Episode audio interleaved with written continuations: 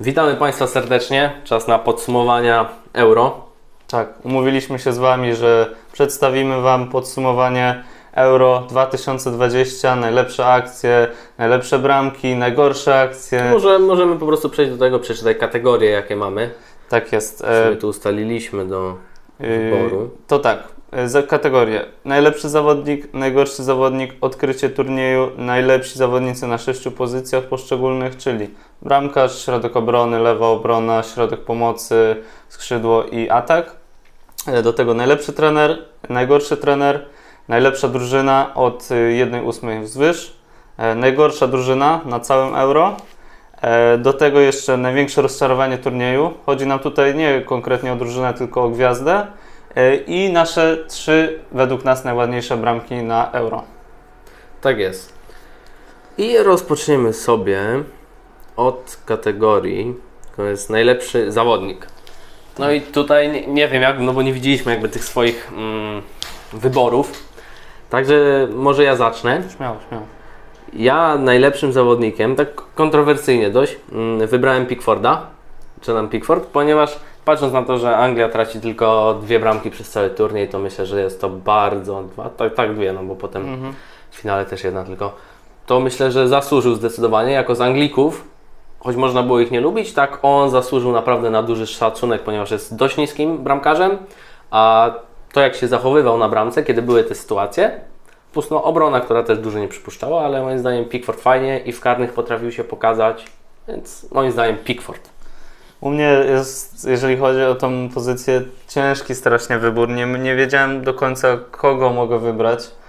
E, I po prostu, jeżeli chodzi o mnie, ja sobie wybrałem trzech zawodników, którzy najbardziej mi zaimponowali, ale nie potrafiłem ich wybrać do, do, tego, do tego miana najlepszego zawodnika, bo według mnie każdy z zawodników, którzy już byli na półfinale, prezentował bardzo wysoki i równy poziom. Jedni może odstawiali, odstawali umiejętnościowo ze względu, że grałem w niższych klubach po prostu, ale każdy widać, że grał na pewnych możliwościach. Ja sobie wybrałem trójkę, y, która może kandydować do tego miana. Przede wszystkim y, wybrałem Bonucciego, który uważam, że po tym sezonie, który zaprezentował w Juventusie, to co zrobił teraz na Euro jest wręcz niesamowite. Był jednym z najlepszych defensorów na tym turnieju. Strzelił jedną z najważniejszych bramek dla Włochów, jeżeli chodzi o te Euro, no bo dał nadzieję na to, że można wygrać ten e, finał. E, bardzo solidnie w obronie. E, w półfazie grupowej nie stracili żadnej bramki, to też wielki plus. E, I myślę, że to był taki turniej, jeden z jego z lepszych. Też po tym Euro 2016, kiedy nie trafił karnego z Niemcami, widać, że to troszeczkę chciał e, jakby naprawić swój błąd za tamten, za tamten rzut karny. E, Drugą osobą według mnie jest e, właśnie Gianluigi Donnarumma, który również dostał tą statuetkę. Uważam, że to jest niesamowity talent. Człowiek, który ma 22 lata, przechodzi teraz, co ciekawe, za darmo do Paris Saint-Germain. E, ratował kilkukrotnie swój zespół, czy to w rzutach karnych, czy to w sytuacjach, kiedy e, zawodnicy podczas regulaminowego czasu gry chcieli go zaskoczyć, czy to strzałami z dystansu, czy to sytuacjami też jeden na jeden. W fazie grupowej może tych wiele interwencji nie było, bo tak jak mówiłem, ta obrona Włoch e, spisywała się niesamowicie dobrze, ale też tam kilka takich interwencji musiał wykonać. I trzecim zawodnikiem, który mi mega zaimponował, może niekoniecznie grał wszystkie mecze od dechy do dechy perfekcja, natomiast e, bardzo mi się podobał Pedri. Pedri, człowiek, który ma 18 lat e, i robi takie rzeczy w środku boiska, które no, nie mieszczą się w głowie nawet niektórym zawodnikom mega doświadczonym z klubów Serie A czy to też e, La Ligi. E, Niesamowite to jest, jak on, jaką, z jaką wizją on patrzy na futbol, z jaką łatwością, lekkością i też pewnością siebie potrafi e, przyjąć piłkę, zagrać, za, też zakręcić, zmienić tempo gry. E, Uważam, że to jest olbrzymi talent i Barcelona, mając go w składzie, myślę, że na przyszłość może sobie zapewnić solidny środek pola, dodać do tego jeszcze dwóch zawodników i będzie, będzie na pewno nie będzie narzekał na środek pola w przyszłości. Okej, to trochę długi wywód, ale No, to ciężko mi było rozumiem, że tych trzech po prostu, Tak, tak tych, tych, jeden z tej trójki tej- i był pa- pasował. a później to już nam uplastycznisz bardziej jednym zawodnikiem na pozycję, czy też tak będą Nie, nie, nie, już później będzie Dobra. Okej, także przechodząc do tej drugiej opcji, mm, czyli drugiego typu, jakby najgorszy zawodnik. Mhm. No i, i powiedz, kogo tutaj tak zaoferujesz nam Eee, tego. Nie wiem, czy mamy ten sam wybór, aczkolwiek e, u mnie padło na Grzegorza Krychowiaka, który zagrał tak tragiczny turniej. Jeszcze wiadomo, jak jesteśmy Polakami, to specjalnie patrzymy trochę bardziej na, na te mecze Polaków niż inni. I widząc, jak pierwszy mecz zagrał tragicznie, drugim no, już nie mógł grać, no bo czerwona kartka, wiadomo. E, Ale jak przeszło do trzeciego meczu, mówię, kurde, to jest jeden z ważniejszych meczy dla Grzesia. Musi się odkuć, pokazać tym hejterom, bo jednak ja też tam byłem jednak tym hejterem i chciałem, żeby Wszyscy chyba byliśmy Tak. po tym, co zrobił, nie? i chciałem, żeby po prostu zamknął nam usta i zagrał dobre spotkanie. No, moim zdaniem chyba tylko poszerzył jeszcze bardziej te usta, bo kolejne bardzo słabe spotkanie. Wtedy znowu nasz środek pola, a to za wolno, a to jeszcze tak strasznie defensywnie siadał, siadała psychika trochę czasami, nie wiedzieliśmy co się dzieje. I moim zdaniem to był najgorszy zawodnik, e, jeżeli chodzi o ten turniej. Można pewnie znaleźć też kilku innych, ale ja to patrzę z perspektywy Polaków jednak też widzę, że jest taki zawodnik, że zagrał tak bardzo słabo, to uznałem, że można go tutaj przydzielić do tej kategorii. Okej, ja mam koło innego, ale reprezentacja się zgadza. O proszę. I postawiłem no, tutaj na gościa, który zawala nam trzy bramki na tym turnieju. Mm, trzy te sytuacje, kiedy padają bram, właśnie bramki. Bartosz Berszyński. No, powiem tak, ja go nie widziałem. Mm, znaczy, powiem tak, może po tym meczu z Anglią, okej.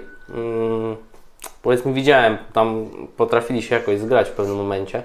Ale po tym pierwszym meczu, no już myślałem, że będzie takie mm, pomyślenie, Paulo zauważy, że nie, że jednak trzeba wziąć kogoś, kto trochę jest stabilniejszy w obronie, tak jak Tomek Kędziora. No i powiedzmy sobie szczerze, zawalone trzy bramki, to jest jego gwóźdź do trumny. Problemy z dogadaniem się z Jóźwiakiem na tej stronie, jak kryją, kto gdzie się przesuwa. Tutaj duży błąd. I jeszcze co bym powiedział, no taka bijąca niby pewność siebie w tych filmikach na przykład, a potem na boisku miał do wszystkich pretensje, że to nie jest jego problem. No machanie łapami się zdarzało do Jóźwiaka, gdzie on jest na przykład. Co prawda Józio też nie gra jakoś super, ale no grasz na bardzo takiej, mm, nie wiem czy trudnej pozycji, ale no takiej, na której nie grałeś raczej. Mm, Prędzej grał na przykład Tomek Kędziora, bo on miał takie e, sytuacje, kiedy był cofnięty bardziej na tego prawego Esio. I co? No, nie widzę Bereszyńskiego na tej pozycji. Po prostu z, on się nie czuje. On bardziej widać było w drugiej części właśnie tych meczy, że on pod, potrafił podłączyć się do przodu. I tutaj z Liwiakiem fajnie, ale w obronie na, na tej pozycji go nie widzę i dla mnie grał fatalnie na tym turnieju i nie chciałbym, żeby dalej grał. Rozumiem, że na tej pozycji, czy ogólnie w reprezentacji. Znaczy, no może sobie tam na, na ławce siedzieć. Według mnie na przykład Tomek Kędziora, który u trenera Brzęczka był zawodnikiem cały czas grającym i moim zdaniem się obroń, obronił. Tak tutaj Bereszyński zweryfikował go- bardzo mocno ten turniej, że jeżeli znowu jesteś na złej pozycji, tak jak był na Elop pe- przez pewien moment, tak tutaj na tej pozycji, kiedy gra na tym prawym, środkowym też nie czuję tego. A jeszcze takie pytanie mam do Ciebie, może chyba, że chcesz dokończyć może wywód Nie, jeszcze. no już chyba wszystko powiedziałem. E, Szkoda jak czasu na jesteśmy, jesteśmy na reprezentacji, to myślę, że no więcej już jej nie będzie, jeżeli chodzi o te e, kategorie, co najwyżej może bramka e, turnieju, ale czy uważasz, że na przykład, bo patrzyliśmy na naszą lewą stronę, no i mamy Maczka Rybusa, który delikatnie mówiąc nie porwał, mamy też Tom, Tom, Tym- Tymka Puchacza, który no niby z Hiszpanią szybko, szybko było, ale jak już przyszło do meczu ze Szwecją, to ta dokładność wrzutek była po prostu na tragicznym poziomie. I takie do Ciebie mam pytanie na przykład, czy uważasz, że jeżeli y, Arek Reca będzie, będzie już do dyspozycji, to czy Paulo Sousa będzie chciał go spróbować na tym lewym wahadle? No myślę, Ciebie. że na pewno, bo to jest zawodnik, który właśnie na, ty, na to wahadło został jakby przywrócony, idąc do właśnie Włoch. No bo teraz skacze po tych klubach, jakby nie patrzeć. E, Bo kiedy był w Wiśle Płock za właśnie Jurka Brzęczka, to był tak kształtowany właśnie na tego mm, lewego obrońcę, troszeczkę pomocnika, ale nie był taki stricte wahadło. A teraz go właśnie we Włoszech mogą Bo jest ukształtować. szybki bardzo. Tak, jest bardzo szybkim, dynamicznym zawodnikiem. I jeżeli go dobrze tam ukształtują, to myślę, że to może być po prostu najlepszy zawodnik na tą pozycję, bo Puchacz według mnie jest zawodnikiem LO. Mm, On trzyma bardziej tą tylnią linię, on się lubi podłączyć, ale lepiej, żeby on się nauczył tej gry w obronie i, i tam się nam pokazywał. Albo mm, przerzucać go po prostu na prawe skrzydło, co się zdarzało w e, Lechu Poznań. i on wtedy tą lewą nogą może coś tam dokręcić, nie? Dlatego no Reca moim zdaniem tak, dostanie na pewno swoje sz- szanse. Znaczy nie wiem jak to będzie teraz, no mamy tam chyba dwa takie mecze, gdzie możemy spokojnie potestować trochę i mam No nadzieję, tak, że to tam jest San. Marino, Albania i Anglia. Anglia, no. I- No i zobaczymy, myślę, że powinien dostać szansę, teraz chyba jeszcze nie, no bo musi się wyleczyć chyba, nie? Bo to, Tak, no tam ta kontuzja, nie wiem dokładnie do którego jest. Ale no po prostu tak zapytałem, bo wiadomo jak Dostanie, jest z moim zdaniem tak. Bo z Arkiem to jest tak, że to jest kazus Jerzego, Brzę, tego Brzęcinia, że tak powiem. Znaczy, ale no I mhm. bardzo często jest taki właśnie hejt na niego, kiedy widzimy w jedenastce. To nawet y, ja to dostrzegam w komentarzach, że on jeszcze meczu nie zagrał, a już jest hejt taki dosyć spory, jeżeli chodzi o niego, że, że jak on się tam znalazł i w ogóle. Chociaż czasami, szczerze mówiąc, jak oglądam mecze reprezentacji Polski, to faktycznie sam sobie zadaję pytanie, jak Arek się tam mógł znaleźć w wyjściowej 11, jeżeli no, trener widzi w treningach, że, że coś jest nie tak, że on nie czuje tego, jakby gdzie ma grać, moim zdaniem. Może, może o Paulo Sousy się to zmieni, zobaczymy. No zobaczymy też, jak jestem ciekawy, jak tam nauka włoskiego ogólnie, ale jeżeli będzie ten włoski na takim poziomie komunikatywnym, to myślę, że z Paulo też będą mogli spokojnie porozmawiać, jeżeli chodzi o to, jak on ma grać i gdzie ma grać, jeżeli dostanie taką szansę, bo zakładam, że dostanie. Ale też ja bym oddał jednak Brzęczkowi to, że zostawił nam takiego lewego obrońcę, lewego wahadłowego, którego brakowało, bo potrafił go ulepić w Wiśle Płock i jeszcze go wciągnąć do reprezentacji, więc to jest na plus, bo tak naprawdę teraz mamy trzech, co nigdy nam się nie zdarzało, bo mamy i Puchacza, mamy Maćka Rybusa i mamy Recę. A dawno nie było takiej sytuacji, że mieliśmy trzech zawodników, którzy mogą tam grać. Nie będzie trzeba jakiegoś Bereszyńskiego tam przerzucać, który był tam jeszcze fatalniejszy niż na tym SO. Tak, tylko też właśnie zależy od ich formy, no bo możemy sobie mówić, że w teorii mamy tych trzech zawodników, ale no jak wejdą tak jak załóżmy Puchacz ze Szwecją, no to tacy zawodnicy to nie wiem, czy są za bardzo nam potrzebni ofensywnie. To ciężko to ciężko to później po prostu na to się patrzy, jak widzi się, jak nasz zawodnik nie potrafi dokładnie wrzucić piłki w pole Wiesz karne. co, to też był taki, mm, z tego co tam wyczytałem, to był plan po prostu na ten mecz, że te wrzutki mają, tylko miały inaczej dochodzić, bo No, Puchacz tak się z się tego tłumaczył że- chyba w futraku, że właśnie to ma, inaczej mają padać te, e, miały padać te wrzutki, no nie wyszło, ale taki był pomysł trenera. Więc no jeżeli był taki pomysł, no to czemu mieliby tego nie robić, nie? No dobrze, może idźmy dalej. Tak, no dobrze, że poruszyliśmy jakiś temat taki tak, jeszcze no poza... parę minut na, na ten temat myślę nie jest błędem, żeby to omówić, bo to jest taka sytuacja, w której warto porozmawiać. Tak. No. I mamy kategorię numer 3. E, kategorią numer 3 jest odkrycie turnieju. I dobry, kogo wziąłeś za swoje odkrycie turnieju? Co, no zastanawiałem się w sumie tylko były dwie opcje tak naprawdę. Tak? Tak według mnie były dwie opcje, czyli Spinazzola i Dumfries chyba, tak? Tak, ja tak Mm, samo No to właśnie te dwie opcje zastanawiałem. Oczywiście wiedząc, że wybierzesz prawdopodobnie Dumfriesa, bo że tego nie wybrałeś, Wybrałem okej? dwóch, ale raczej bym się skłaniał do Spinazzoli. No to ja wybrałem właśnie Spinazzola jako tego, tego głównego, bo patrząc na to, jaki on zrobił wkład dla drużyny, czego nie spodziewaliśmy się przed turniejem, typując właśnie skład Włochów, że to on będzie takim zawodnikiem, który będzie robił ten wiatr na tym takim wahadle, tej, no bo teoretycznie obrońca, który Lewa był obrona, taka troszeczkę wahadło, do... nie? Tak. I myślę, że to jest zdecydowane odkrycie i klub, który go ma, to będzie z tego korzystał w super sposób, jeżeli dobiorą Ale odpowiednią Roma na taktykę. pewno się cieszy, jak widzi, że Ronaldo Spinazzola w Tak, takiej formie. myślę, Tylko teraz że, kontuzja. Tak, to- właśnie Jose Mourinho, więc fajnie, że będzie mógł... Znaczy patrząc na to, że jest tam e, Jose Mourinho, to ta gra w obronie też jeszcze będzie pewnie mocniej dopracowana, bo on był super fantastyczny, powiedziałem super fantastyczny, Mm, był bardzo dobrym zawodnikiem e, do przodu, z tyłu było różnie, ale mając tam, wiesz... Troszeczkę taki Jordi Alba moim zdaniem, że z przodu jest bardzo, Tak. bardzo dobrze, trochę w tyłach brakuje, ale myślę, że to akurat kwestia Ligi Włoskiej może mu podszkolić ten Tak, temat. więc moim zdaniem w ogóle to, jak Jose Mourinho się prezentuje w AS Widziałem Romie, Filmiki. Oglądałem e, konferencję prasową, będąc jego wielkim fanem, jak już wszyscy wiemy. Oglądałem konferencję prasową, która była akurat tłumaczona w Eleven, więc piękna sprawa. No powiem, że no, no jeżeli, o, no, no to jest szefuncio, nie? Jeżeli on nie popsuje sobie tych kontaktów z zawodnikami, mając chyba 3-4-letni kontrakt, to naprawdę ta Roma może być taką drużyną z no, powiedzmy top 4 w tym Do Włoszech. odbudowania na pewno. Tak, ale no, no są do tego zawodnicy i, bę- i jest już pierwszy transfer, którym jest e, chyba Rui Rui Patricio, Tak. więc zaczynają od bramki fajnie, chociaż ten Lopez nie jest złym bramkarzem według mnie. Nie jest, ale on często potrafi popełniać błędy. Z tego co Tak. pamiętam, to, to jest taki bramkarz, który w nieoczekiwanym momencie Mhm. potrafi nagle wyczarować taką bramkę znikąd. Także no, powoli wracając, moim zdaniem to, że trafia pod skrzydła Jose Mourinho, jeżeli Jose będzie trzymał tak, mm, takie podejście, jakie ma obecnie, to może w tej Romie być naprawdę fajny projekt. No ale wracając może do tego, powiedz, kogo Ty tam umieściłeś na tym swoim jakby odkryciu turnieju? Ja tak samo jak Ty tutaj poleciałem w Spinacole, zastanawiałem się jeszcze, tutaj dałem sobie ukośnik Denzel Dumfries, ale e, tutaj właśnie mi szkoda tego Dumfriesa, że Holendrzy odpadli tak wcześnie, no bo wyszli z grupy, pierwszy strzał Czechy i odpadają, bo moim zdaniem gdyby ta Holandia weszła chociaż do półfinału, to ten Denzel Dumfries nabrałby jeszcze większego rozgłosu, jeszcze więcej, może zagrałby jeszcze lepiej te kolejne 2-3 mecze, jeszcze wyższy poziom, jakaś bramka, kolejne asysty. Wtedy byśmy mogli mówić, że te, wtedy bym mógł powiedzieć, że to, byłby, to byłoby większe odkrycie niż Spinacola, ale odpadli bardzo szybko. Nie miał jak się sprawdzić z takimi rywalami, no bo nie ukrywajmy, nie zagrali poważnego meczu. Zagrali z Czechami, którzy zaszli daleko, ale to nie jest drużyna, która nie wiem, zagrałaby z Anglią i by wygrała. Bo w ogóle pokazali to w grupie na przykład. E, Austria, no co, powalczyła może z Włochami, ale szybki strzał i do domu tak samo. Macedonia, no to nawet nie będę tego komentował.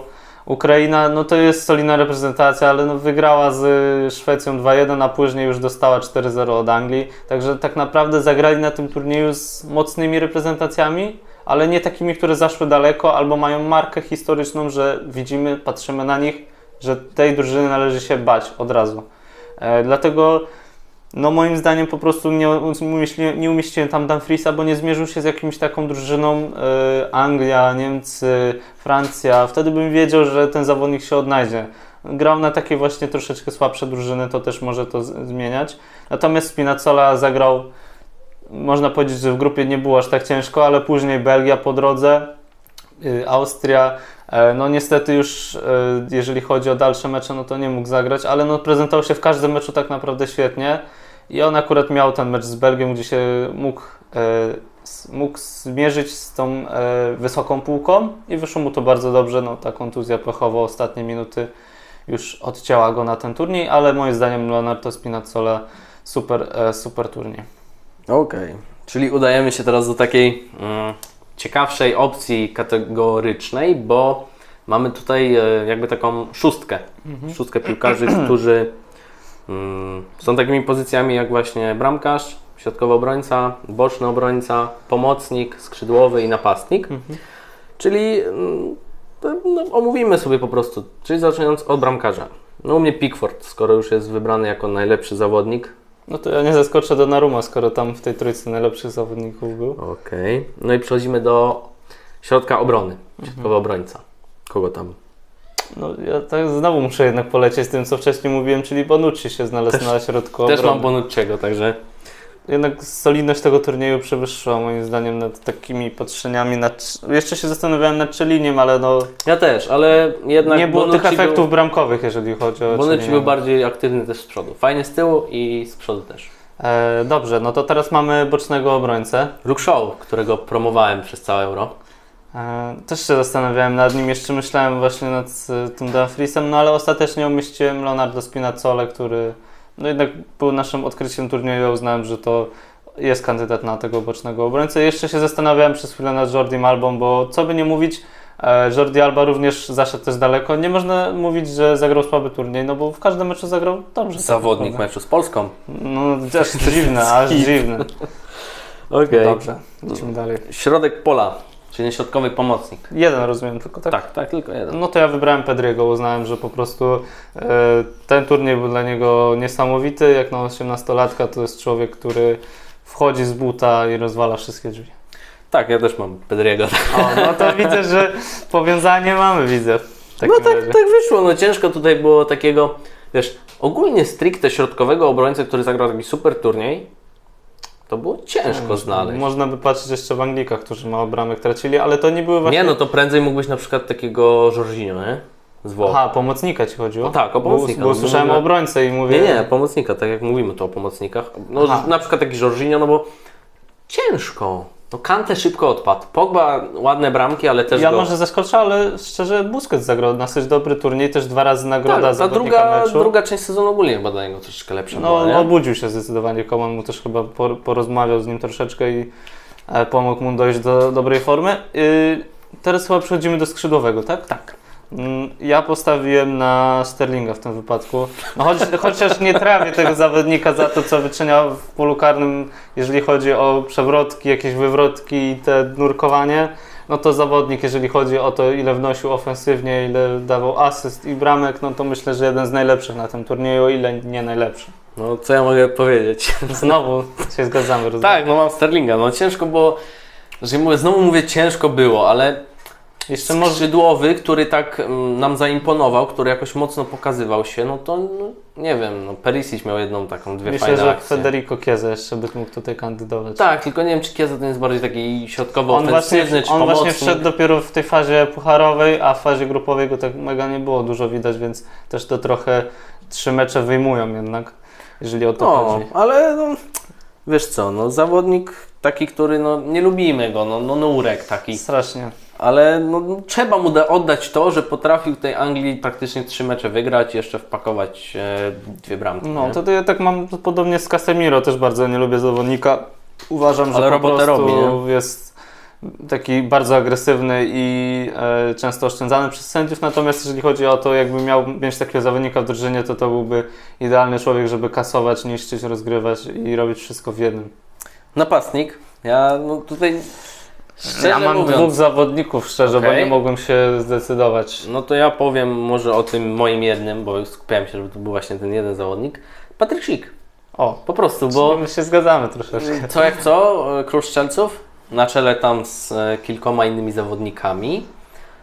No tak szukałem, szukałem. No mówię, no Ronaldo nie. Jednak Ja właśnie szybko, Ronaldo. Znaczy, bo oni chyba z Ronaldo, Schick i Ronaldo na tym samym poziomie. nie, Schick Ronaldo odpadł szybciej. Ronaldo odpadł szybciej, no to właśnie. No to o, o, sam o tym mówię, no biorąc zawodnika, który odpada w pierwszej, mm, w, pie, w jednej ósmej, tak? Mm, Tak samo Lukaku, który też szybko odpadł. No ciężko tak postawić na takiego zawodnika, który Bardziej, był że krótko, niby zrobił fajną robotę, bo i wiesz, strzelił parę bramek, ale jednak Schick, który pokazał się fajnie i cała reprezentacja właśnie Czech, moim zdaniem Schick, po prostu napastnik tego turnieju to Schick. Tak, jeszcze też ciężko na przykład było patrzeć z perspektywy tego, powiemy sobie, o to może wybiorę kogoś z półfinalistów. Mamy Danię, no Dolsberg wszedł, strzelił dwie, tam trzy bramki, ale no zagrał tak naprawdę dwa dobre mecze, później już Nie było. nie było go. E, jeszcze może Braithwaite, ale no też jedna bramka na turniej to za mało zdecydowanie.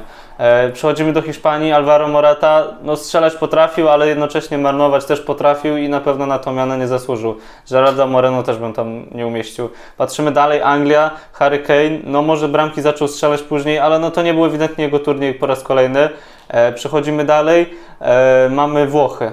Immobile, no nie ma co mówić, pierwsze dwa mecze może dobrze, a tak to nie no, o tym słabo. Immobile to nawet mi nie mów, nie mów, Balotelli by zagrał lepiej. No i jeszcze możemy sobie wziąć e, Hiszpania była, Dania była, no wszyscy już byli tak naprawdę. No to nie, Ciężko. półfinalistów nawet nie miał nikt takiego napastnika godnego tego, tego miana. Ja sobie umieściłem jeszcze Ronaldo z tego względu, że można mówić, że dosyć szybko odpadł, no ale Cristiano Ronaldo grał takie mecze jak z Francją, udało mu się zdobyć dwie bramki, z Niemcami udało mu się zdobyć bramkę. Strzelił Z Węgrami udało mu się zdobyć dwie bramki, no z Belgami już niekoniecznie, ale tam też zagrał pozytywnie, moim zdaniem jeden z najlepszych zawodników, jeżeli chodzi o, o tą drużynę Portugalczyków. I jeżeli po prostu tutaj kazus tego szybkiego odpadnięcia musiał go troszeczkę obniżyć, natomiast i tak moim zdaniem to, jeżeli chodzi indywidualnie o Ronaldo, to to był i tak dobry turniej, jeżeli o niego chodzi. Tak jest. Mm, Przechodząc do następnej kategorii, Kategorii numer 5. czyli ten najlepszy, ale trener. Tak. Eee, chcesz zacząć może? Wiesz co, ja mogę, ja jakoś długo nie będę się rozwodził. Patrząc na to, jak grała Dania na tym turnieju, to ciężko nie było wybrać akurat jej trenera, czyli Hulmanda, czy jak on tam się nazywa tak, dokładnie. tak, dobrze. Em, tak, no zawodnik, zawodnik, trener, który us- potrafił ustawić tak swoją drużynę, że mogłaby trafić do finału w pewnym momencie. Już dyszała w tym ostatnim meczu tak naprawdę. No trener, który zrobił taką fajną ekipę i trochę już z nimi pracuje, i ta ekipa fajnie się pokazuje. Tam nie było takiego czegoś, że jeden zawodnik nam się jakby wykrystalizował, bo wszyscy gra, grali razem. Fajnie grał na pewno e, właśnie Braithwaite, który robił tam wiaterek i latał tu i tu. Moim zdaniem taki monolit, potrafił stworzyć monolit, który daleko zaszedł. Bo tego czasami brakuje, że reprezentacja ma dwóch, trzech zawodników, a reszta nie dojeżdża. A tutaj zebrali się i potrafił posadzić takiego Polsena na ławce i go wpuszczać, więc moim zdaniem No, to jest, też akurat trener to najlepszy podczas Euro. to też było trochę powiązane z kontuzją Polsena, bo jednak no, pewnie Polsen wygrał częściej, ale ta kontuzja trochę spowodowała, że musiał więcej odpoczywać, jeżeli o to chodzi. No ja też zaliczyłem mu Hulmanda w tej kategorii, ale dodałem jeszcze ukośnik Mancini, no bo patrzymy na to, gdzie reprezentacja Włoch była 3 lata temu, nie było klasy kwalifikacji na... Poczekaj sekundę. Wiesz co? Jakbyśmy mieli oceniać od 2018 roku, no to zdecydowanie, ale no ja, ja się skupiłem akurat na turnieju, nie? Bo patrząc na to, to ja bym powiedział, że to jest w ogóle mega trener na skalę światową, no bo jeżeli, no mając tam ile? 5, 7, może z, nie wiem, 9, ale to już tak maks, chyba 9 e, meczy w roku, potrafisz scalić drużynę, czy no może też troszeczkę więcej przesadziłem, potrafisz scalić drużynę i tak zbudować ją, no to jesteś geniuszem po prostu, jeżeli chodzi o mm, zgranie zespołu, o utrzymanie tych relacji, bo on też przecież kombinował zdecydowanie dużo. E, Ta, zaczynaliśmy tak naprawdę z Włochami z podobnego punktu. My po przegranych mistrzostwach, oni po braku awansu na mistrzostwa. I patrząc na to, jak to się rozjechało, no to patrząc od osi- 2018, Mancini top, ale według mnie, jeżeli patrząc na turniej, to właśnie trener Dani. Ale to jest oczywiście Twój wybór. No to znaczy w sensie ogólnie pierwszego dałem Hulmanda, ale uznałem po prostu, że to jak e, ewoluowała e, drużyna Włoch za batutą właśnie Manciniego, to jest niesamowite. Też tym bardziej, że on bardzo dobrze czuł swój zespół, bo kiedy Włosi mieli problemy w, w swoich meczach, tak jak na przykład z Austrią, wiedział kogo zmienić, aby, aby to podreperować. Z Anglią też widział problemy, wprowadził zmiany, od razu to było żywsze. Także moim zdaniem to też jest, e, zasługuje tutaj na miano tego, zawod, tego, tego, tego, tego trenera, ale po prostu dałbym wyżej Hulmanda za to, że pomimo tego, że on długo nie trenuje z tą reprezentacją Danii, bo on chyba przyszedł pół roku przed Euro, także to też, A bo tam była zmiana? tak, bo tam była zmiana trenera i on po prostu nie miał zbytnio wiele Kom- czasu. Kompromitacja prowadzącego była przed chwilą. No, ale w takim razie, no, ale to widzimy też porównanie. Paulo Sousa też wcale jakoś więcej czasu dużo nie ma. Znaczy, no ma troszeczkę mniej to też, ale Hulman ma pół roku, dochodzi do półfinału Euro, no to panie Paulo, mogliśmy chociaż z tej grupy wyjść. Są tacy zawodnicy jak Grzegorz Kowiak, którzy chcieli jechać na wakacje. No dobrze, ale przejdźmy może do kategorii numer 6, czyli najgorszy trener turnieju. I tutaj mieliśmy, przynajmniej ja miałem problemy, żeby sobie tak wybrać jednego z tych najgorszych. Już co? No ja nie miałem. Patrząc na to, jak Turcja zamydliła nam oczy tym, dostając się na turniej w fajny sposób, e, grając solidną, fajną piłeczkę. Wyniki przemawiały zdecydowanie za nimi. Nie spodziewaliśmy się, że będą aż takim outsiderem. Mówiło się o tym, że będą właśnie czarnym koniem turnieju. To się w ogóle nie sprawdziło. To było przykre, no bo liczyliśmy, bo tam i paru fajnych zawodników jest. No Też wyniki, te 4 punkty na No. 6 z Francją, nie, to nikt, jeszcze w remis No. na, w Parc de Princes chyba, jak dobrze pamiętam, no to ciężko się zawsze takie rzeczy I robi. dlatego stwierdziłem, że właśnie Gunes, ten ich trener, mm, no nie, nie dał rady. Turniej go zweryfikował niestety.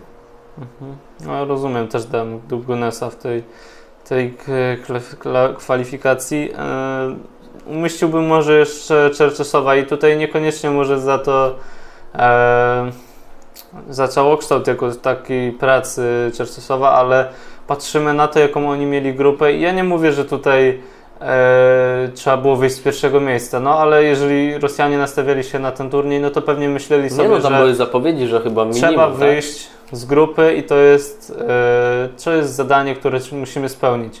Czasem Rosjanie kończą tą grupę na ostatnim miejscu, są gorzej niż, e, upadają niżej niż Finlandczycy, pomimo tego, że Finlandia dwa mecze przegrała. E, No też styl tego, powiedzmy sobie szczerze, no bo pierwszy mecz z Belgami, totalna kompromitacja u siebie. Drugi mecz, no już lepszy, jeżeli chodzi o to z Finlandią, ale to też i tak nie było taka, taka drużyna z błyskiem, która tak grała dobrze na tym mundialu. No i trzeci mecz, no po prostu Dania ich wyrzuciła z turnieju za drzwi przez okno, jeszcze wyrzuciła im bagaże i powiedziała sayonara. Dania, która przegrała dwa mecze. Tak, też ciekawe. E, I później jeszcze takie odzywanie się Czerczesowa jako mówienie, że to nie była jego wina, że to zawodnicy źle się przygotowali do tego turnieju, że on wszystko dobrze zrobił. No, jesteś trenerem, odpowiadasz za to, co się dzieje i nie możesz powiedzieć, że to nie jest twoja wina. No, może będzie mniejsza jakaś, tak jak na przykład przy u Paulo Souszy, że no jednak Grzesiu Krychowiak mocno mu skompromi- skom, skomple... Dobrze, Przeszkodził. przeszkodził, jeżeli chodzi o budowanie tej e, reprezentacji na Euro, kiedy dostał czerwoną kartkę w takim kluczowym momencie. No a e, Czerczesow, jak wiemy, został zwolniony też poniekąd za to, że nie potrafił wyciągnąć błędów z tego i przyznać się tych, do tych błędów też. Możliwe, no wiesz, no, to jest twardy trener, jeżeli może rzeczywiście mm, może być taka sytuacja, że po prostu podczas przygotowań coś się okazało, też nie wiemy wszystkiego jak to wyglądało, no ale Czesi, yy, Rosjanie zachowali się słabo na tym turnieju. I chyba tyle, jeżeli chodzi o nich. Yy, Tak. Tutaj mamy następną kategorię, czyli najlepsza, najlepsza drużyna Mhm. od jednej ósmej. Czyli bierzemy te drużyny, które poszły, jakby przeszły już tą fazę grupową i grały dalej. I kogo, kogo tam mm, wpakowałeś? To ja się przyznam, że źle zrozumiałem, bo myślałem, że tworzymy najlepszą jedenastkę turnieju. Znaczy, no to też. Taką e, To, mieszaną z zawodników kilku, chyba że to jest kolejna to kategoria. zrobimy Aha, później, dobra. jakby. Czyli najlepsza No drużyna jedna ogólnie? drużyna, no, zespół, nie? Reprezentacja po prostu, która tak. Znaczy, to może ja. Włochy, po prostu, bo wygrali, byli takim monolitem. Tutaj bym decydował pomiędzy Włochami a Danią po prostu, bo najlepiej się chyba zaprezentowali i tak według mnie, no Włochy. Ja bym powiedział, że chyba Dania. Może no Włosi wygrali, ale mi po prostu bardziej się podobało oglądać Duńczyków, pomimo tego meczu z Anglią, gdzie już od drugiej połowy troszeczkę defensywnie było, no ale to też zmęczenie jednak robi swoje i nie każdy kalkulował, że tyle wytrzymają. No dobra, okej. No i mm, przedostatnia kategoria w takim razie. Najgorsza e, drużyna na całym euro.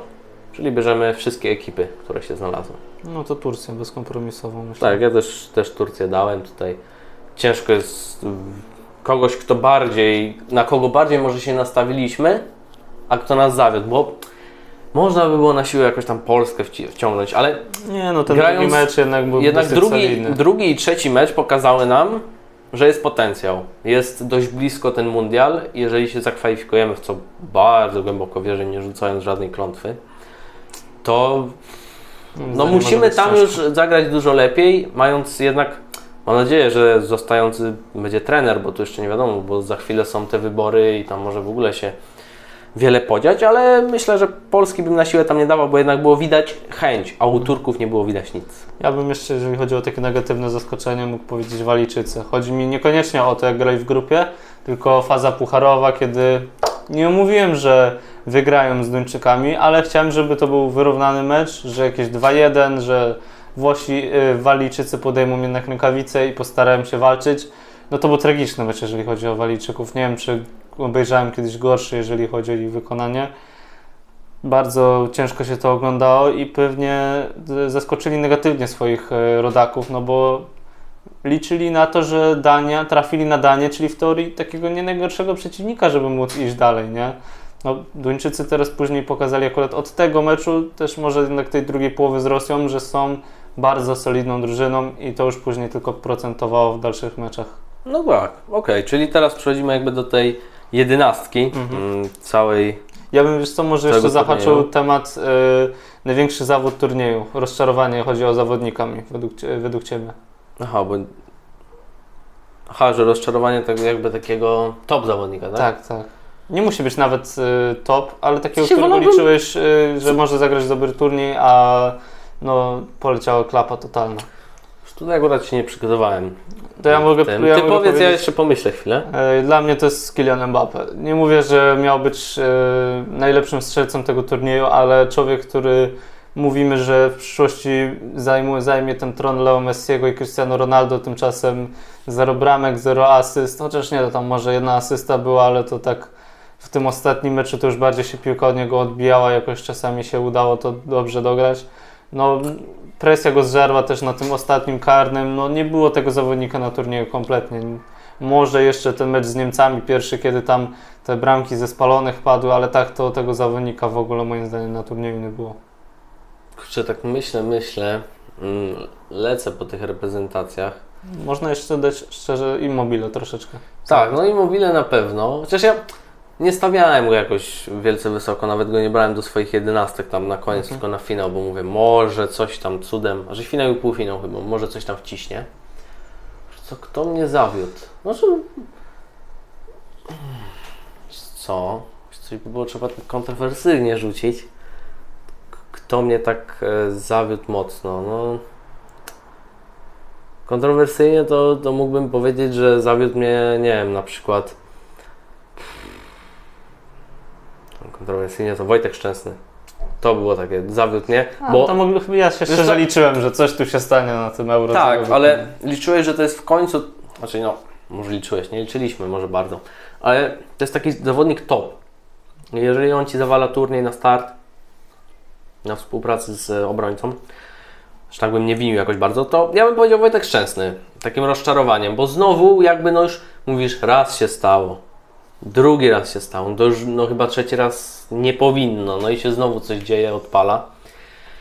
I tyle, Wojtek Ja Szczęsny bym się nie zgodził szczerze, no bo to była jedna, jedyna bramka, w której Nie, ale... nie, miał, nie, miał, nie mógł coś lepiej zrobić, a tak to wszystkie bramki, które później padały, no to kompletnie nie miał szans, szczerze. Co, ja się nie zgodzę, bo on w ogóle nie miał żadnej takiej interwencji na tym turnieju.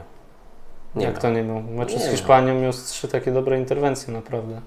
Że uratował nasz Co? zespół. Nie, ja nie odnotowałem tego. Może masz rację, ale według mnie zawiódł. Nie, nie było takiego czegoś, widać, że on jest tym szefem defensywy, że on dyryguje i że panowie tutaj spokój, wysoko, cyk. Zawiódł mnie Wojtek Szczęsny, bo jeżeli dostajesz kolejny raz jedynkę na turnieju, nie możesz tak zawieść. No ale moim zdaniem jakby wszedł Fabiański, to i tak by więcej nie zrobił w tych sytuacjach bramkowych. W meczu ze Szwecją każda z tych sytuacji, no, No może ta trzecia, ale no, dowiemy, ta, ta nie? trzecia też jest Nie, no prawie do niewyciągnięcia. to jest no. płacheta, kompromitacja. No. Ciężko mi, ja bym po prostu nie uważał go jako największe rozczarowanie turnieju. Można powiedzieć, że troszeczkę zawód w tym pierwszym meczu, a później już linia, linia wybicia się nie, nie wyskoczyła najwyżej i tak już jechał na tym poziomie, ale nie powiedziałbym, że to jest największe takie zaskoczenie negatywne turnieju. Okej, no to ja mówię, że to jest. No dobrze. Ty się możesz ze mną nie zgadzać.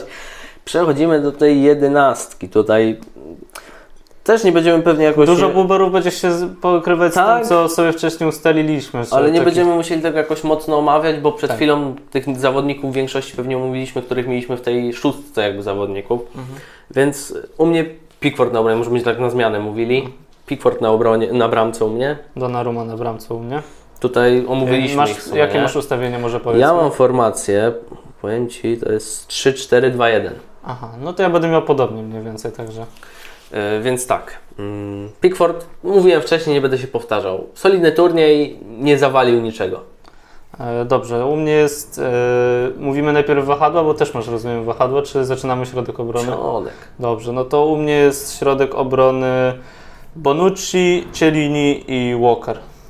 Okej. Walker, coś o może, Walkerze może? Walkerze dodam, że no to po prostu jest zawodnik, którego chciałbym mieć w swoim klubie, bo to jest e, teoretycznie mówimy prawo obrońca, ale jeżeli chodzi o ustawienie na trzech obrońców, niesamowicie szybki. Człowiek, który ma gaz i to, jeżeli to jest obrońca, to to jest niesamowite. Patrzyłem też statystyki. Raz bramkarz nawet. Tak, to też ciekawe. E, patrzyłem też statystyki w ciągu całego turnieju, pomimo tego, że był ustawiany na prawej obronie i środkowej obronie. Został przedryblowany tylko raz, gdzie zagrał każdym praktycznie meczu oprócz meczu drugiego. Imponował mi ten zawodnik, bardzo pewny, yy, niesamowicie szybki, tak jak mówiłem, rozegranie też na bardzo wysokim poziomie i uważam, że po prostu ja takiego zawodnika chciałbym widzieć w swoim zespole. A, halo, Barcelona? Nie, nie mamy pieniędzy, spokojnie, nie mamy pieniędzy. No są tam młodzi. Dobra. E, U mnie co? Bonucci, Chiellini, Luke Shaw, którego no, zdecydowanie będę promował, bo No o, o, ja po prostu tego zawodnika uwielbiam od e, paru lat, od kiedy tak mm, bardziej na bieżąco oglądam Manchester United i widzę, jak ktoś tam inny wchodzi na tą lewą obronę, że nie, nie, nie, tutaj powinien grać ten Luke Shaw, który może nie jest jakimś efektownym zawodnikiem, może teraz ma lekką nadwagę, ale to mu nie przeszkadza w, w tej grze. Potrafi zagrać fajny pas e, przy bocznej linii, potrafi rozegrać piłkę, co jest ważne u takiego obrońcy, potrafi się podłączyć. I tyle o Luke Shaw, bo też o nim mówiłem wcześniej. Luke Shaw, top. Według mnie w tej trójce mojej się znalazł obrońców. Okej. Teraz może wahadła? E, To na lewym wahadle będzie Spinazzola. No to akurat się za dużo No ja mam tak samo. nie zmienia. A na prawym wahadle tutaj właśnie miałem dylemat, na kogo postawić. okej. Zastanawiałem się nad Strigelem Larsenem, który ogólnie był bardzo solidny, dużo asyst też ze stałych fragmentów gry. E, myślałem nad Maila, ale Maila na lewy, lewym wahadle, także to tam już za bardzo nie pasowało. I ciężko mi było znaleźć takiego, bo ile lewą obronę możemy znaleźć kilku, tak jak właśnie Luke Shaw, Spinazzola. Myślę, że mogę dać za Dumfriesa, chociaż on jest takim prawym obrońcą stricte, to myślę, że na wahadle też by się odnalazł, był taki mocno ofensywny. Mogłeś wystawić e, dwóch prawych obrońców, jak Southgate na przykład. Zaskoczył. Czy dwóch lewych, nie? W Włochów bym pewnie zaskoczył. Okej, ja mam taką e, kontrowersyjną, kontrowersyjnego zawodnika akurat tutaj, który zwrócił e, uwagę, bo to było takie, powiedzmy takie odkrycie turnieju względem, że to jest młody zawodnik, Doku, który A. robił wiatr tam kosmiczny na, na tej pozycji właśnie mm, jakby prawego, wahadłowego, no tak mniej więcej gdzieś tam grał. I powiem Ci szczerze, że tak szukałem właśnie kogoś na tą prawą i mówię, kurczę, no jeżeli mamy tak docenić kogoś, kto tak zaprezentował się ciekawie, kto zwrócił naszą uwagę, to czemu nie Doku, który zagrał kilka meczy, który robił wiaterek, potrafił dorzucić, wywalczył rzut karny, jeżeli dobrze pamiętam, więc... No, Doku nie grał wtedy na prawym wahadle, ale... Znaczy, on, inna sprawa, że gdzie on jest, on jest takim pozycją, chodzi mi, że on jest wahadłowym bardzo, nie? Że mogę go pokazane ustawić... na środkowym pomocniku ofensywnym razem z Kevinem De Bruyne. No bo to jest ro- rotacja jakby tych pozycji, nie? No ale daję go dlatego, że w FIFA ma na przykład taką pozycję, więc czemu miałbym go tam nie umieścić? Dobrze, E, więc dobrze rozumiem. według mnie warto go docenić, bo tak na tej prawej stronie ofensywnej ciężko było kogoś znaleźć, a taki młody zawodnik, który ma duże perspektywy. Szkoda też, że tak Belgiem. krótko grał jednak na Tak. Belgia szybko się pożegnała, nie chciała dalej grać i, i Też mało zagrał, jednak nie grał w fazie grupowej. To też robi Tak, swoje. ale wchodząc fajnie się zaprezentował i myślę, że solidny. że parę klubów większych, patrząc, że jest już e, w, Re, e, w Ren, no to będzie go chciał wyciągnąć. I co, ten środek? Bez zaskoczeń, Pedri? I Krychowiak oczywiście. No powiedzmy, że. Zieliński. Jorginho Krychowiak. E, Ja mam Pedriego, też masz Pedriego, rozumiem? Tak, tak. I ja mam Jorginho. Tak. No Tutaj- myślę, że tutaj środek akurat był do przewidzenia, szczerze. No, dwaj najlepsi zawodnicy moim zdaniem pod względem tego, że jeden niesamowita dokładność podań, niesamowita solidność, pewność kapit jako, jako y, środ, kapitan środka pola. E, do tego Pedri, który jest młodym przebłyskiem i po prostu wchodzi i w tą seniorską piłkę z buta, jakby był po prostu już tutaj 10 lat, wiedział co się dzieje. E, I to jest mój środek pola, twój również, więc mamy zgodność, jeżeli o to chodzi. Tak, trochę tam się ostatnio Jorginho zagalopował. Nie wiem, czy widziałeś tą wypowiedź, że powiedział, że został zapytany o tą złotą piłkę Tak. i coś tam, no, nie wiem, czemu on to, no, no, no dobra, dajmy mu szansę. On powiedział, że jest jedynym na tym turnieju, który wygrał najwięcej jakby, że wygrał mm, Ligę Mistrzów i właśnie mm, Mistrzostwa Europy. Mhm. No, trochę się zag- zagalopował z tym, że jest jakby takim najlepszym, no bo nie wygrał na przykład ligi, mógł swoją ligę wygrać. Jakby wygrali potrójną koronę, to myślę, że spokojnie byłby No, zawodnikiem. wtedy byłby najlepszym Tak. kandydatem na I pewno. tutaj, I tutaj tyle, jeżeli chodzi o niego. No troszeczkę się chłop za, zagalopował, ja myślę, że to już jest ustalone tak naprawdę. Może malutkie przetasowania, No, ale Messi, szczerze Lewandowski i trzecia pozycja, szczerze nie wiem, może ten Jorginho. Ja bym się Jeszcze. Jorginho Kanto, zobaczymy, ale raczej Jorginho. Jorginho, bo dalej zaszedł mi się wydaje, nie? Mm, co ja miałem mówić tutaj? Ale się tak mi wypadło z yy, Coś głowy. chciałeś powiedzieć, nie wiemy co. A, y, no to, to o tym ustaleniu bardzo możliwe, bo już L'Equipe w swoim y, ostatnim dzienniku wydał taki artykuł pod koniec specjalnie wydany Złotej Piłce, no i dał zdjęcie wielkie umieszczone Leo Messiego i podpis, że jest głównym kandydatem do wygrania tej, tej nagrody, więc myślę, że na pewno oni sobie faworyta już wyrobili, jeżeli o to chodzi. Czy zobaczymy, jak będzie wyglądało też to głosowanie, bo patrząc na to, że głosuje cały świat jednak, nie?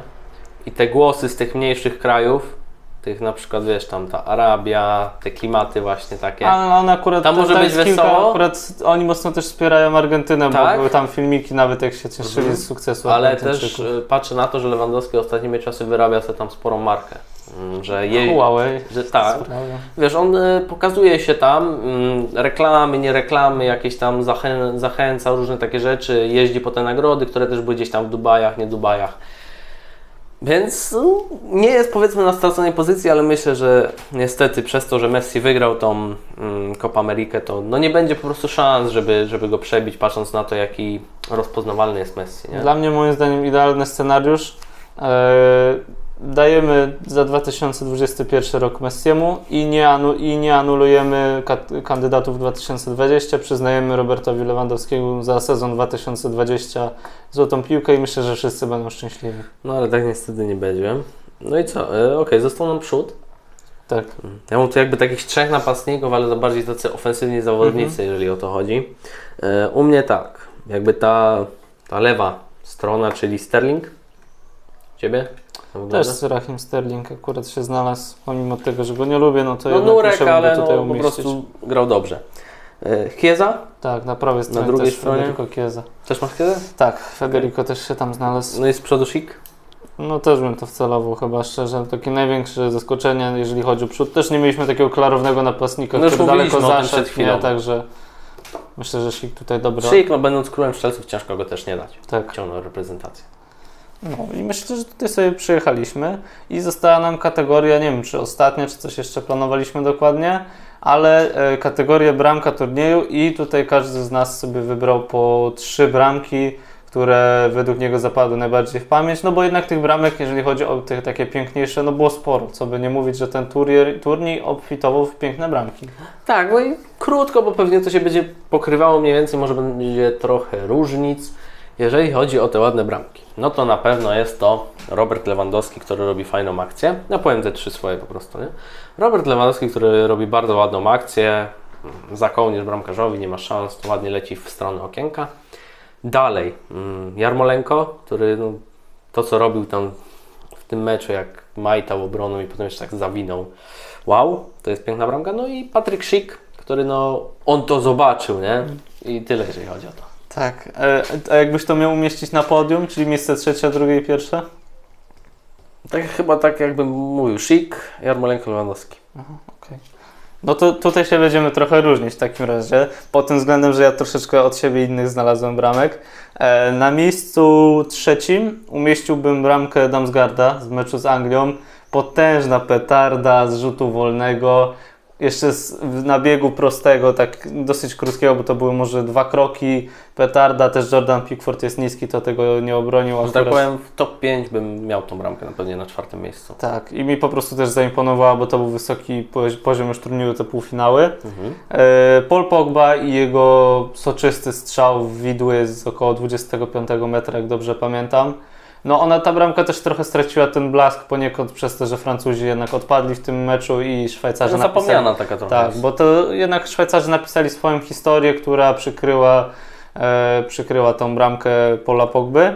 To byłoby moje drugie miejsce, też bardzo ba- piękne uderzenie. Number No i one. numer jeden, no musi być Patrick Schick, który, tak jak mówiłeś, on to zobaczył i zaskoczył kompletnie Marszala, który dostał bramkę za kołnierz, piękna parabola lotu piłki, daleki strzał. To mogło się odbić przeczki, nie? Tak, i to by było wtedy już naprawdę, Schick by pewnie był mega, mega wkurzony, ale no bramka cudo, myślę, że jedna z piękniejszych na wszystkich euro. Tak jest. Chyba kończymy ten podcast. Dzisiaj troszeczkę krócej. Takie 50 minut, więc myślę przyjemne do odsłuchania z rana, wieczorem lub jadąc autem. Tak. I co? Zapraszamy do tego, aby zostawić łapeczkę w górę, aby się pozycjonować jakby, subskrypcja, abyście cały czas dostawali powiadomienia i wpadajcie na nasze sociale, na naszego Instagrama oraz Twittera. Jesteśmy tam zawsze aktywni. Możecie do nas pisać też y, w komentarzach tutaj, dodawać coś od siebie, co chcielibyście jakieś zobaczyć, jakieś nowe rzeczy. Postaramy się przeczytać i jak najbardziej wa- Wam dopasować takie formaty. I co, tak jak mówiłeś, dziękujemy Wam za Co już możemy, oglądanie. tak, już możemy jeszcze też dopowiedzieć za to, co będzie się działo już niedługo. Czyli będziemy mieli gościa. Tak. Mm, Planowane to wszystko jest na, na wtorek, mm, najbliższy.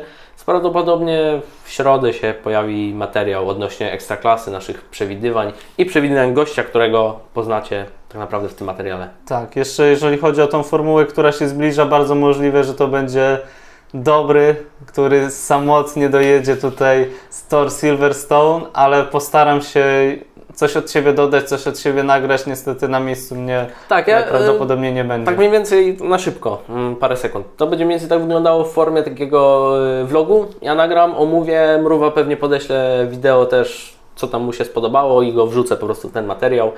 I to będzie na kanale taki króciutki materiał, pewnie około 10 minut. No nie, zobaczymy jak to wyjdzie. I to tyle. Dobra, trzymajcie się, cześć. Na razie.